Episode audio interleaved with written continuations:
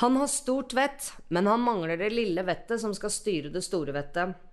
Dette kunne være et passende sitat for mang en røver som har tatt et litt forhasta valg i en pressa situasjon. Sitatet er henta fra skuespilleren Arthur Arntzen. Selveste Oluf? Det er korrekt. Jeg tror jeg har fått øye på de mistenkte. Over. Hva ser du? Over. De har gått inn en dør. De slår på noe som ser ut som en eh, maskin. Nå går de bort til et høyt bord med noen svarte ting. Kan se ut som et våpen. Over. Vent, får videre instruks. Over. Nei, vent! Det kommer på en rød lampe. Over. Røverradioen. Norsk fengselsradio. Velkommen til Røverradioen. Den eh, neste halvtimen cirka, så er det Tina Og Maiken. du er innlåst med. Og vi sender som alltid fra vårt provisoriske studio i kjelleren på Bredtvet kvinnefengsel. Og i dag skal vi ta deg med på litt forskjellige deler av fengselslivet. Og mesteparten av historien du skal høre i dag, kan man vel si kommer av litt ugjennomtenkte avgjørelser. Ja, for du skal annet få høre om hvordan en fengselsrømming egentlig kan foregå. Du skal få høre om hvordan livet arter seg på rømmen. Og så skal du få høre en ekte røvertabbe, altså hvordan det gikk galt en gang en røver var på tokt. Og denne gangen så er det røver Miguel som har vært ute og forsøkt fikse bilen sin på motorveien. Ok, det høres rart ut, men uansett. Aller først så skal vi få høre om at det kan skje hyggelige ting også inne i fengsel. Ja, jeg har jo sittet inne nå i over eh, ni år, og min erfaring er at det skjer mer rart på innsida enn det man faktisk skulle tro. Ja, det er jo, blir jo et lite samfunn eh, her inne også, men med en eh, liten tvist, kanskje. det kan man si. Og det skal vi få høre mer om fra Martin og Christian nå.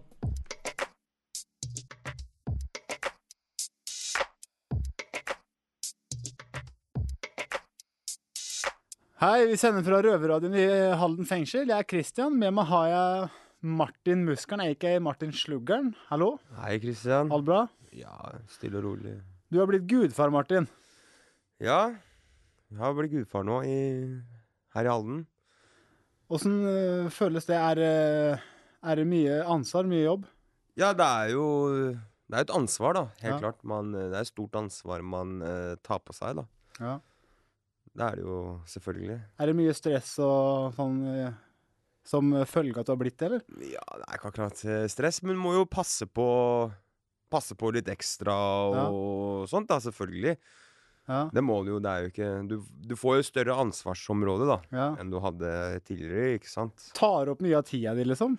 Og når er det? Ja, det, har, det, er, det skjedde nå nylig, da, så det har jo ikke rekt å tatt så mye av tida. Men det er jo helt klart det, det er jo tar jo mye av tida mi. Det gjør jo det hver dag, da. Ja. Åssen er det du blei gudfar, da? Nei, det var eh, en som kom til meg og spurte om eh, jeg kunne være gudfaren i dåpet hans. Han eh, døpte seg i går her i kirka, da. Så det var, det var ikke bare bare. Det var meg og to til, da. Og så tre prester, til og med. Ja. ja, det er koselig og ålreit. Så må jo ta vare på han, da, som har blitt uh... Hva er det dere drev med i den dåpen, da? Er dere- Åssen er, det- åssen er det fungerer fra start til slutt? Ja, det starta med at eh, prestene vil komme med noe snakk fra Bibelen og Isak og Jeg vet ikke, jeg husker ikke helt hva det var. Og så var det det at ja, han som døpte seg, da, blei jo helt vann i hodet på knela og fikk velsignelse. Og så blei vi alle sammen velsigna etterpå, da. Så sang vi ja, Gud er stor, Gud er bra. Ja. Sånne ting. Altså, det var, jo, det var jo veldig koselig. Det er jo Jeg ser på det som en ære, da. ja. Faktisk at han spurte meg om å være Hva er det innebærer å bli døpt, da? Nei, det er jo det at du overgir deg så å si til den kristne tro, da. Jesus Kristus, ikke sant? Mm. Det er jo det, det det går på. Han har jo valgt å bli kristen, og han er jo ikke tidligere døpt, da. Ja. Så det er jo det at du overgir deg selv, da, til kristendommen, ikke sant. ja, ok. Ja. Det er jo hm, 25 år siden sist jeg ble døpt, da, så det er jo Ja. Jeg har ikke døpt meg nå nyligere tid, så han har jo valgt det nå å gjøre det nå seinere, da, i alder av rundt 30 år. ja. Veit du grunnen til at han eh, Hvorfor eh, akkurat nå? Nei, jeg tror vel Du veit, når man sitter i fengsel, så får man veldig mye tid til å tenke, ikke sant? Ja. Og reflektere over ting man ikke har tid til på utsiden, da. Ja. Så kanskje han har eh, funnet Gud, da. Funnet Jesus. ja, det er bra for han, det. Ja, det er jo koselig, det. Helt klart. Det er det. Så Det bra var- for han. Det var du og en til, også han som ble døpt, og tre prester. Ja, og tre prester. Det tre prester, det var var kult, det, da. Alle tre prestene preka, eller var det bare én som sto på pre- Ja, det var en, var en hovedprest, da, så, Ja. men de to andre prata også. Fikk Ja. vi velsignelsen for alle prestene, og sånn er det kors her, kryss her, vær så god. Ja, men det er ålreit. Ja, det var, ja, det var koselig. Det var eh, Det var et sterkt øyeblikk for, for han som blei døpt, da. Ja. Så det var jo koselig, da. Så det er helt klart en ære. Det var det, var det. Ja, det er ålreit. det, var det. Så du har blitt gudfar, du da, med andre ord? Ja, har rett og slett blitt gudfar, da. Aka fadder. Ja, aka fadder, ja. Ja, det er heftig. Det, det var kult.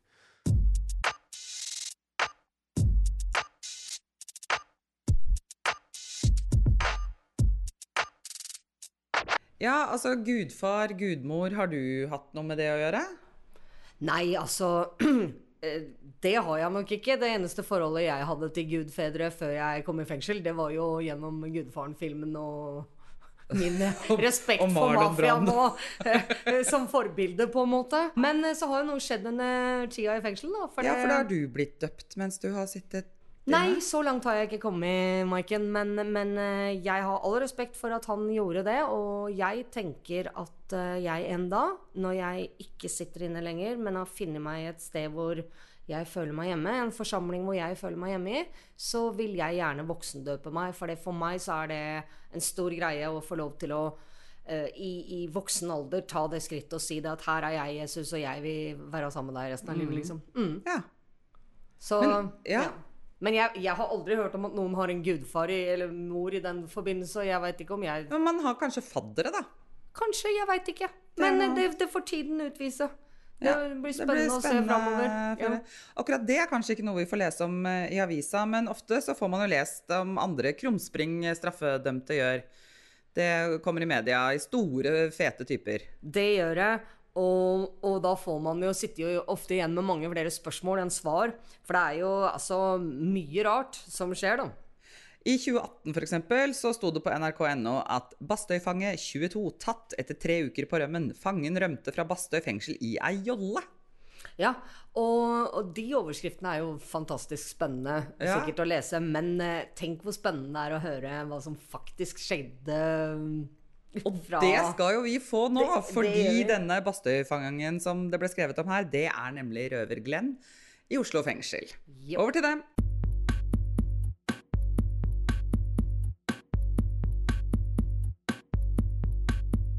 Ja, som, eh, nye, det vi gjør med nye røvere her, er at de vil gjerne høre noen historier eh, som de har opplevd. Fordi vi som er røvere, vi har, vi har ikke akkurat et kjedelig liv. Eh, så vi har jo masse, masse, masse historier eh, å fortelle. Og, og i dag skal vi høre en historie fra deg. Det skal dere få høre. Noe Fra- dere ikke har hørt før. Ja. Jeg heter Christian, og jeg sitter her med Glenn og Mali. Halla, halla. Halla. Yes. I dag skal vi ha en uh, rå røverhistorie fra nye røveren vår, Glenn. Det blir spennende. Det blir bra. Heftig. Eh, fra Bastøy til Horten. Ja, ja. Eh, det starta på Bastøy. Ja, det starta på Bastøy. Ja, hva, hva skjedde der? Nei, jeg kom dit, hadde sona ganske lenge. Endelig kom jeg på åpen. Og så endte det med at jeg tok en liten fest, da. Så tok de urinprøve, og så skjønte jeg at de, de kom til å sende meg vekk derifra. Mm, fra Bastøy? Ja, og det, det skulle de ikke få til. Nei. Nei. Så, så hva, hva, hva gjorde du da? Nei, først så prøvde jeg å bygge megaflåte, men så prøvde å padle med den, da, men det gikk til helvete. Jeg holdt på å drukne. og Hva, hva lagde du flåta av? Sånne der plastikkpaller. Jaha. Jeg tok fire sånne, to oppå hverandre, og så to i lengden, og så prøvde jeg å padle med en spade. da. Mhm. Den eh, ble for tung, eller? Nei, det var null balanse i den greia der, så jeg bare vagla fram og tilbake. Og da fant du på at eh, det funker ikke? Ja, det kommer ganske langt, da, så det, hadde jo på meg sånn regnbukser jeg hadde teipa for å ikke bli blaut. Så når jeg datt i vannet, så fylte det seg opp med vann, så jeg gikk jo ganske langt ned før jeg kom opp igjen. altså. Jeg trodde jeg skulle dø. Du holdt på å drukne nesten? Ja, Jeg holdt på å drukne, det var rett før. Hadde, du, hadde du fått noen sånne ideer etter å ha sett Alcatraz, eller? Jeg har aldri sett Alcatraz, men jeg skjønte jo at det var eneste måten å komme seg i land på. Ja. Men, eh, så du var først ute på havet der med de pallene. Ja. Eh, Du holdt på å synke og drukne. Ja. Eh, Du klarer å padle deg tilbake. Ja. Jeg greide å komme meg tilbake. Ja, og hva gjorde du da? Nei, Jeg måtte jo, jeg tok jo med meg den palla, da, så jeg svømte liksom med den og hadde tatt av meg tøyet da, inn til land. Så prøvde jeg liksom å gjemme den så godt jeg kunne. og så Neste morgen så gikk jeg og snakka med en jeg kjente litt fra før. Han sier det er jo en båt bak et sånn elektrobygg der nede, men du må bare kutte kjettingen. Mm. Så da ordna meg en eh, sånn baufil, kutta kjettingen. Mm. Tok den båten med ned til vannet, og så en spade, og så padla over, da. Ja. Så det gikk til slutt. Men det var jævla mye jobb, da. Ja, men eh, altså det, der ute Jeg har jo kjørt båt der mange ganger. Ja. Det er ikke alltid Det er ikke vindstille alltid der. Nei, det var ikke vindst- vindstille den kvelden heller, men eh, det så ganske rolig ut på vannet i starten der inne ved stranda, men utpå der så var det mye bølger. Det det. Det var jævla mye bølger. Jeg følte meg litt som han der Bear Grills, hvis du vet hvem det er. Ja, Jeg følte meg litt sånn utpå der. Ja. Ja. Men uh, møtte du andre båter og sånn, eller? Nei, nei, det var, det var midt på natta, så jeg møtte ingenting. Okay. Men uh, Men så du noe? Var det ikke mørkt og sånn, eller? jo, Hvordan- men jeg så lyset til Horten. OK, riktig. liksom det, det er du visste skal. veien du skulle, Ja, riktig. ja. Ja. Ellers så hadde det vært Ja, da, da hadde jeg ikke gjort det. Da hadde jeg ikke gjort det. Ja. Jeg, tro, jeg trodde jo jeg var, var nærme land hele tida. For øynene, når du er midt i mørket, så ser lyset jævla nærme ut. Men jeg var jo aldri nærme. Mm. Det var langt. Men var det Visste folka som du sona med der, at du hadde planer om å stikke og sånn, eller hvordan? Nei, det var én person som visste. Bare én? Første gangen så visste ingen det. Det var derfor jeg feila. Og, og det var sent på kvelden, eller når Ja, var det? midt på natta. Tolvtida okay. gikk ut. Så brukte jeg kanskje tre og en halv time på å komme over, eller noe sånt. Tilbake, liksom? Nei, eh, den gangen jeg klarte det, så brukte jeg ca. tre og en halv time. Ja. Men, men eh, hadde du noe flytevest eller noe sånt? da? Jeg hadde en sånn der, sånn, sånn du kaster ut i vannet, sånn ringer. Jeg hadde en sånn, jeg hadde en sånn uh, rundt meg når Ja. jeg var i den andre båten. Mhm. Ja. Sinnssykt. Ja. Men, men du må ha blitt jævla sliten, da? Tre og en halv time med padling med en eh, Ja, det, det, det, det som var problemet, den spaden var ikke så lang. Så jeg måtte sitte helt framme i båten. Mm. Så hvis jeg prøvde å ro på venstre side, så gikk jeg jo til høyre. Og så motsatt på høyre side, da gikk jeg til venstre. Mm. Så det var ikke så jævla mye framgang i den båten, egentlig. Det var ikke det? Nei, jeg fikk krampe i skuldra og sånn. Ja, det var jævlig tungt. det var det. Med livet som innsats, liksom? Ja, jeg skulle faen ikke tilbake på lukka her, altså. Det var sommer og sol. Ja. Men hva var planen? Du skulle bare komme deg bort fra øya, liksom, og Ja, gå på rømmen, eller ja, til du ble eventuelt tatt, da? ja. Så hvordan gikk det videre, da? Nei, det, det ble ganske heavy etter hvert, fordi jeg, la, ut, la ut ting på Facebook og sånn. Sånn profilbilde og fuck the police og sånn. Så da, da ble- Etter at du hadde klart ja. å komme deg videre, Ja. da, bort? Så de var jævlig etter meg. De Ja, for å si det sånn. Ja, de, de plagde vennene mine og familien min væpna aksjoner hver dag For å ta deg for å ta meg, som Mm. det skulle melde meg, da. Mm. Så etter en og en halv måned de fant meg på et hotellrom. da. Hvor da? Kristiansand. OK, så Ja. du kom deg til der du er fra, da?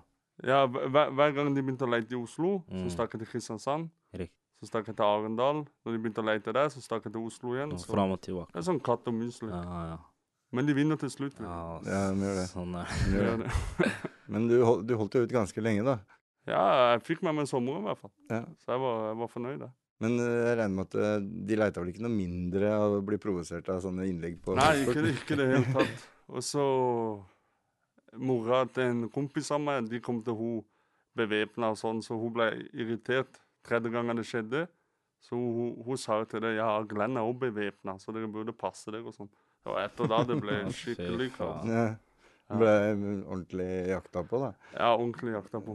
Væpna politi og folk. Ja, det, det var ikke noe, det var ikke noe lek til det. Ja, Har, har du fått noen reaksjoner på det seinere? Sånn, da? Ja, jeg, gikk i retten, og så fikk jeg påstand på 44 dager. Jeg tenkte "Hva, det, det, det går fint, det. Mm. Jeg var frekk nok til å spørre dommerne kan vi ikke gå ned til 40. Jeg syns det er litt strengt. Og han var jo enig med meg, da. Så det var kul dommer. Du måtte ikke eh, erstatte båt og, Jo, jo, og jeg må spade? Jo, men det går fint. Det var så lite. Ja, men det, det var en eh, drøy, drøy historie, da. Ja, det var ganske Eh, drøyt. Litt unorsk, egentlig. Ja, litt, litt. Altså tre og en halv time på åpen sjø og litt sjø og bølger og sånn. Ja, det var, det, det var verre enn jeg forventa. Mm. Ja, for der, der ute veit jeg det kan være svære bølger. altså. Skikkelig. Ja, båten gikk eh, gynga ganske høyt opp og ned. Jeg begynte å tenke var dette så jævlig lurt, egentlig? Når jeg var utpå der. Mm.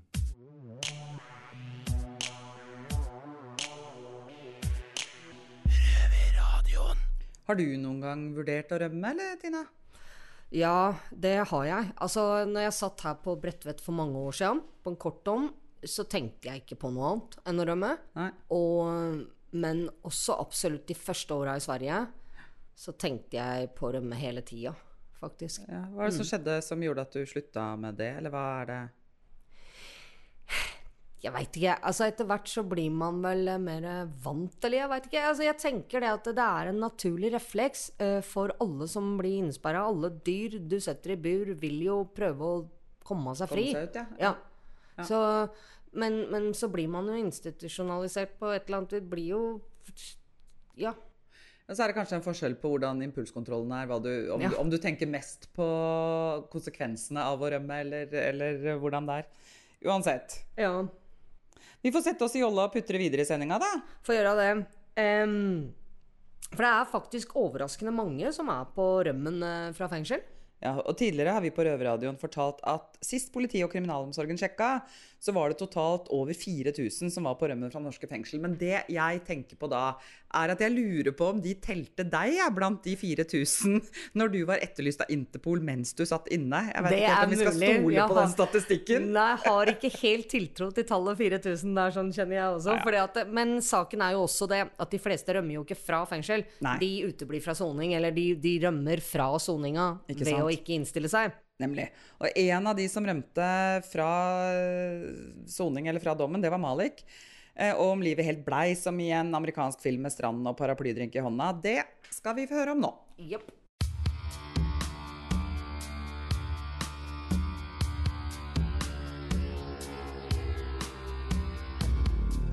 Sett deg ned og hold kjeft.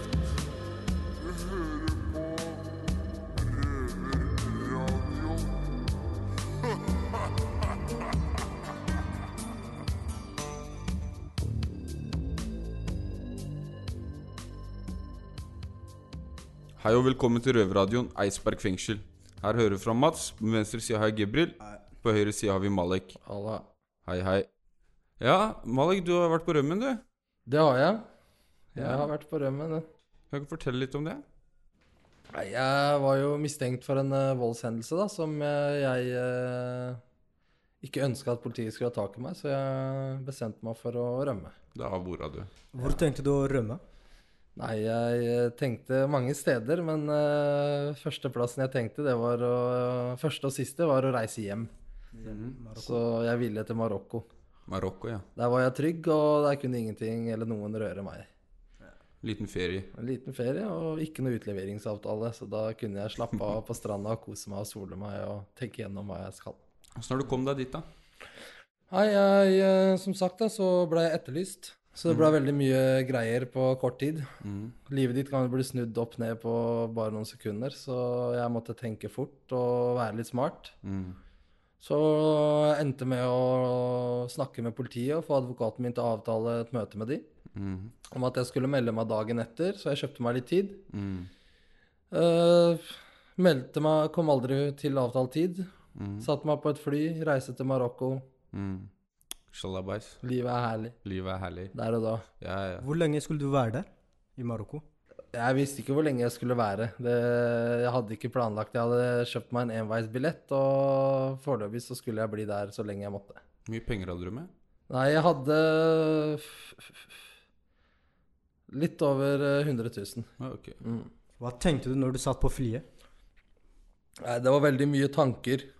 Veldig mye tanker rundt familie, om hva de tenker nå. For at eh, politiet storma jo hjem, og storma hos vennene mine, og mye kaos skjedde på kort tid, så jeg hadde veldig mye tanker om hvordan det gikk med de hjemme, og jeg dreit egentlig sånn i meg selv, men eh, jeg gikk på en sånn eh, overlevelsesmodus, da, hvor jeg følte at nå var det en hel stat som var etter meg, og jeg skulle komme meg unna det.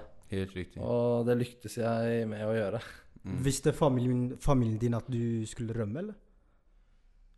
De visste ikke eksakt når og hvor eller når, men de skjønte at jeg ikke kommer til å melde meg. Jeg trengte ikke å si noe før de skjønte det. Hvor lenge var du i Marokko? Mm, jeg landa i Marokko, og så var jeg der vel i to og en halv måned, Mm. cirka. Levde som en kong? Jeg uh, hadde det Jeg var så ikke meg selv, da. Jeg var jo på rømmen. Og jeg savna jo hjem etter hvert. Jeg ville jo hjem til vennene mine, til familien min. Mm. Uh, men som sagt, jeg har jo familie i Marokko, vi har hus der nede. Mm. Vi har alt, så jeg følte meg hjemme, men samtidig så var det en del av meg som ville hjem igjen. Så, men uh, jeg hadde det bra. Jeg festa, jeg uh, drakk, jeg gjorde alt det jeg kunne gjøre. For jeg visste at når jeg skulle tilbake til Norge, så var det en veldig stor sjanse for at jeg skulle bli tatt. Eller kunne bli tatt. Så da tenkte du den letteste Mm. utveien Mm. Skjedde noen mens du var i Marokko, eller? Det var veldig mye som skjedde hjemme, i hvert fall. Som hva da? Som uh, leiting og etterlysninger og veldig mye kaos. Vennene mine ble oppsøkt hele tida. Politiet var overalt. eh, Hos familie.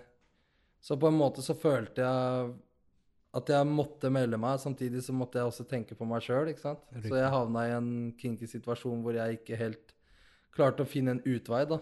Ja. Om uh, skal jeg melde meg, eller skal jeg bli? Mm. Så det svaret var egentlig veldig lett der og da. Det var å bli. Mm, Så da Men eh, var, det stor sak, eller hvorfor måtte du rømme, liksom? Det var en uh, grov voldssak, ja. Grov voldssak. Mm. Ok. Så jeg visste jeg kom til å bli varetektsfengsla. Det visste jeg. Åssen er det du ble tatt, da? Nei, pengene tok slutt, da. Det er Når man har en del penger, så tenker man ikke på at de skal ta slutt. Man eh, lever som hver dag er en ny dag og har de samme pengene man har hatt. Uh, til slutt så eneste jeg hadde råd til, var en uh, flybillett hjem. Helt riktig. Fast coming, fast Ja. go. Så bestemte jeg meg for å gjøre det, da. Mm. Og bruke de siste pengene på fly hjem. Smart, det. Hva skjedde med når du kom til Gardermoen, da? Når du skulle eh, komme tilbake ja, til Norge? Ja, Det som skjedde, var at jeg eh, blei kjørt inn fra Nador, der jeg er fra, til, eh, til Melilla. Fra Melilla tok jeg fly til Malaga. Klokka var tolv på natta eller noe, tror jeg. Så måtte jeg gi pass og alt det der, så da fikk jeg beskjed om å stå og vente. Jeg måtte stå og vente i 20-25 minutter, og da skjønte jeg egentlig at det var noe veldig rart. Da skjønte jeg at ok, da fikk jeg en følelse av at uh, det her er siste Mm. friheten jeg får, så jeg må bare nyte den. Helt riktig. Så når jeg landa på flyplassen i Malaga da, så merka jeg at det var to politimenn som gikk rundt der hele tida hvor jeg var. Så hvis jeg gikk ut og tok meg en røyk, så var de på hver sin side, og Mm. det var sånn hele tida. Det var, varte helt til klokka seks-halv sju på morgenen. Så når jeg satte meg på flyet da, så landa flyet på Gardermoen. Da fikk, jeg fikk vi alle beskjed om at politiet skulle ha passkontroll. Mm. Og da ble jeg huka inn. Da skjønte du det. Ja, da skjønte jeg at jeg eh, Det var slutten på min reise. Mm. Da ble det innom kasjotten. Ja. Da ble det innom kasjotten, og så ble det en dom på to år og åtte måneder. Såpass, ja. Var det verdt å være på rømmen? Det er jo alltid verdt å være på rømmen der og da. Mm. Det, man vil jo ha friheten sin. Man ønsker ikke å miste friheten sin. Mm. Man eh, vil jo gjøre det man vil. Man vil jo ringe de man vil, og uten å måtte ha noen som skal fortelle deg hele tida hva du skal og ikke skal. Mm. Så der og da så var det verdt det. Men uh, i ettertid, når man tenker over det, så soner man selv om man er på rømmen. Altså. Er, eh, selv om man er på rømmen, så må man alltid gjemme seg. Man Mm. må passe på. Man må hele tiden, I hvert fall hvis man er i Norge. Ja, det skjønner jeg. Sånn I Marokko så hadde jeg det ganske fritt, men jeg har jo vært i rømmen i Norge også. Det Mm. gadd jeg ikke å være mye lenger. Etter det lengste jeg har vært på rømmen i Norge, har vært to-tre dager. Ja, Så har jeg meldt meg. Det er Da fucked har jeg skjønt at det går jo ikke. For at uh, du er så Mm. avhengig av så mange. Og de du er avhengig av, har veldig mye annet å gjøre også. Så til Mm. slutt så sitter du igjen alene. Så. Ved å måtte jobbe og rømme for å ha den friheten, så ender det med at du mister den friheten når du er på rømmen. Da. For du riktig. gjemme Det blir så stor belastning. Ja. Så det er like greit å bare hoppe i det og bare ta det som en mann. Men for min del da, så kjenner jeg igjen det at det, du føler at det, det passer ikke helt. Skal sone akkurat nå. Mm. Skjønner du hva jeg mener? Men så blir det til den at eh, etter min del, da jeg var på rømmen i ett år og tre måneder, så når jeg egentlig tenker over det, så er det egentlig Det passer jo aldri. Mm. Så, men Så man utsetter og utsetter problemet, og så blir det mye kaos og tull. Jeg fikk jo dratt på meg mye nye saker. Mye tull, da. Det er akkurat det også som er eh, dårlig da, med Mm. å være på rømmen i Norge. Det er det at når man først har en sak på seg, så er det veldig lett å bare gi faen. Ok, greit, jeg skal inn og sone uansett, ja. Mm. Jeg skal inn Det er ingenting som kan gjøre det verre enn det der. Men Jeg så blir alt verre enn det Alt der. blir verre. Så man drar på seg nye saker. Selv om man sier man rømmer fra en dom, da, Mm. så har du egentlig seks måneder, men så ender det med at du pådrar deg nye saker. Som igjen fører til at du kanskje blir ett år ekstra. da. Helt så du har kasta på ett år til der, liksom. Så Mm. I, min, I min del så var det åtte måneder jeg skulle inn for, og nå kasta jeg på meg så jeg ble 15.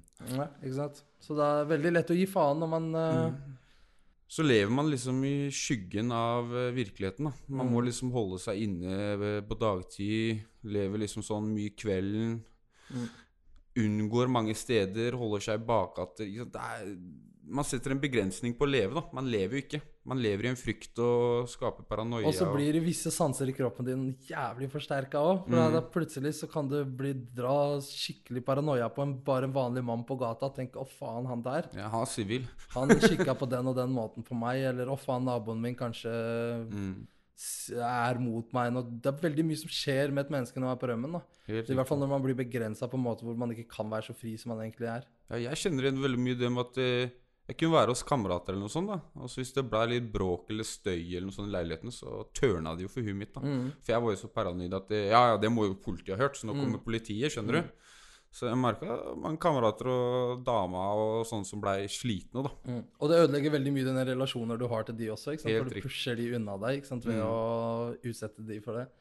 Så det er ikke bare deg det går utover, det går utover veldig mange andre òg. Mm. Så til slutt så I den situasjonen så tenker man faen, jeg har ingen, men egentlig så har du hatt mange rundt deg. Du har bare kasta de vekk Kastet fordi at vekk, eh, måten du har oppført deg på, måten du har vært på. Så da er det bare bedre å gjøre opp for seg da enn å rømme. Dagens visdomsord. Dagens visdomsord. Ja,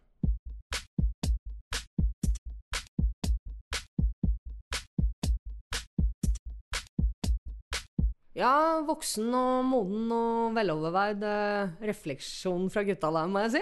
Ja, for det har jo sine omkostninger, altså, det der eh, å skulle rømme.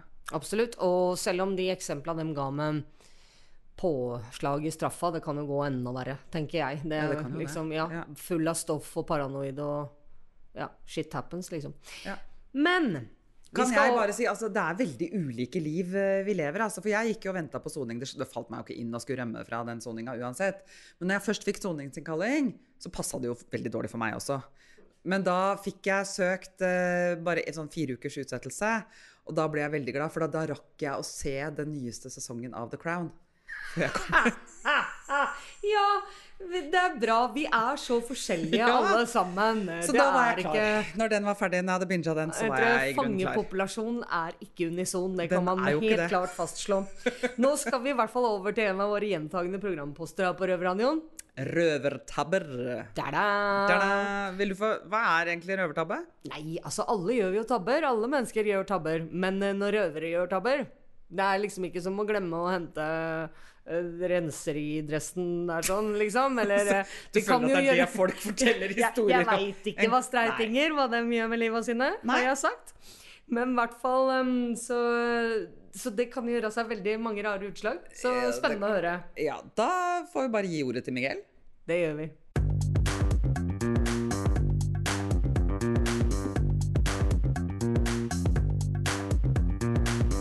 Ja, da var vi tilbake her. Eh. Ja da. Det var vi. Og var vi. Um, ja, vi har jo i røverradioen her så har vi jo noe sånn som, som de kaller røvertabbe. Ja. Har du hørt om det? Den har jeg hørt om. Ja. Og nå er det et ønske fra, fra høyeste hold om at du, Miguel, ja. skal fortelle en røvertabbe. Ja, ja, ja. Og du har jo en veldig bra en, har du ikke det? Jo, eh, dette var vel så langt tilbake som i eh, 2010. Oh. Så eh, skulle jeg og min familie den gangen, altså min eks og mine to barn, mm. skulle reise til Spania en eh, lørdag. Og um, da eh, Ja, jeg vet ikke hvorfor jeg hadde den introen, men jeg, men jeg husker bare det. Men, ja, men det er kjempebra intro, det. Ja da. Det som var det var det at eh, jeg, eh, jeg kjøpte jo meg Da når regjeringen gikk ut og sa det at nå må alle kjøre dieselbil, for dette var Mm. veldig bra. Sant? Dette var i 2009. Så yes, da gikk jeg og kjøpte meg en eh, dieselbil, en BMW. Eh, og så var det det at eh, disse dieselpartikkelfiltrene det ja, det er jo noe som, som gjør at eh, altså man skal unngå å få disse dieselpartiklene ut i luften. Så det er partikkelfilter som fanger opp dette, kort fortalt. Så eh, var det sånn at for at dette her partikkelfilteret skal uh, brennes rent når man kjører bil, så må man kjøre i 80 km i timen i en halvtime. Og hvor i Bergen er det du kan gjøre det? Ingen steder. Så var, min bil den ble jo selvfølgelig det Partikkelfilteret det ble tett, så jeg kunne ikke kjøre i mer enn 50 km i timen. Det var maks av det jeg fikk ut på, øh, på bilen. Og det, det her var som sagt dagen før jeg skulle reise til Spania. Så da lå jeg på motorveien i Åsane. Og, og øh, gassen i bånn, og, og bilen gikk så vidt fremover. Så ringte jeg til mekanikeren og sier du, hva skal jeg gjøre her? Sier han vet du hva, bare hold gassen inne. Etter en stund så skal det der blåses rent. Og, og, ja, prøv på det. Dette var seint, seint på kvelden. Ingen biler på motorveien. Jeg lå der, holdt gassen inne. Kom 100 meter, 200 meter, 500 meter, og der sa det poff! Så sto det en svart røyksky bak, ut bak bilen. Ut eksosrøret, sikkert? Ja. Og der skjøt bil fremover. Den var jo i tillegg eh, trimmet. Så, så jeg, eh, før jeg visste ordet av det, så var jeg oppe i eh, over 200 km i timen på motorveien. Um, og når jeg kom da til Eidsvåg, så begynte jeg også å bremse ned. Så tenkte jeg OK, bra, nå er bilen fikset. Så blinket jeg inn. Jeg bodde ute i Morvik, så da skulle jeg ut der. Så ser jeg bare opp i speilet noe som blinker blått. Og der var politiet. De hadde jo ikke jeg sett. Så da kjørte vi inn til siden. Så kommer han ut så sier han, du, eh, det her gikk fort. Eh, Hvor fort eh, kjørte du? Så sa jeg sånn, nei, vet ikke, 100, litt over 100 kanskje. Så sa han, nei, eh, altså de hadde ikke måleapparat, de hadde bare brukt sitt eget speedometer. De sa det, vi lå i 180, og vi hadde ikke kjangs til å ta deg igjen. Ok, så de måtte ha sertifikatet mitt, det var litt leit. Så da sier de, kjør hjem, vi ligger bak deg, for jeg hadde glemt sertifikatet hjemme. Så skulle vi hente det. Så vi kjørte. Og så tar jeg opp telefonen og ringer til eh, ekskonen min og sier du, jeg har mistet sertifikatet, sånn og sånn. Og så var det på med blålysene igjen. Kjørte inntil, og så kom han frem til meg og sier du, eh, sitter du og snakker i mobilen mens du kjører? Og da tenkte jeg bare fuck. Så sa jeg til han, vet du hva, hva skal du gjøre da? Ta fram lappen to ganger. og da ble han gal. Sier han, nå kjører du rett hjem, så henter du sertifikatet, og så ikke noe mer snakking i mobiltelefonen. Så det var, eh, det var min røvertabbe. Ja, men det var jo en eh, fantastisk tabbe. Men hva, hva, hva har du lært uh, ut av den der? Nei, jeg har lært at uh, man bør gjerne holde fartsgrensen. Og så uansett hva som feiler bilen din, så, så er det liksom ikke greit å, å blåse på og sånn. Men, uh, men eh, det var en kalkulert risiko. Eh, Det var som sagt lite biler på veien, og eh, det var ikke noe fare for liv og helse. Men Annet enn mitt eget, selvfølgelig. Men, men eh, det var, det var tåpelig. Unødvendig. Men eh, nå er ikke jeg noen bilmekaniker, eller sånn, men partikkelfilter, er ikke det Mm. mulig å skifte partikkelfilter? Jo, det koster 25 000. ja. Ja, men da gjorde du, da gjorde du det på en eh, Ja, billigere gjorde, jeg gjorde det på en billigere måte. Og det, men sant, dette var det, og dette var ikke bare BMW som hadde problemer. Det var masse biler med dieselpartikkelfilter som Mm. gikk tett. Ja, det det er jo um, det er jo sånn det er, da. Eh, Sånn er det. Sånn er det når du kjøper dieselbil. Sånn er det når du Eh, kjøper dieselbil. Så den har jeg kvittet meg med. Nå kjører jeg eh, grønt og fint elbil, men, eh, men eh, aldri mer diesel.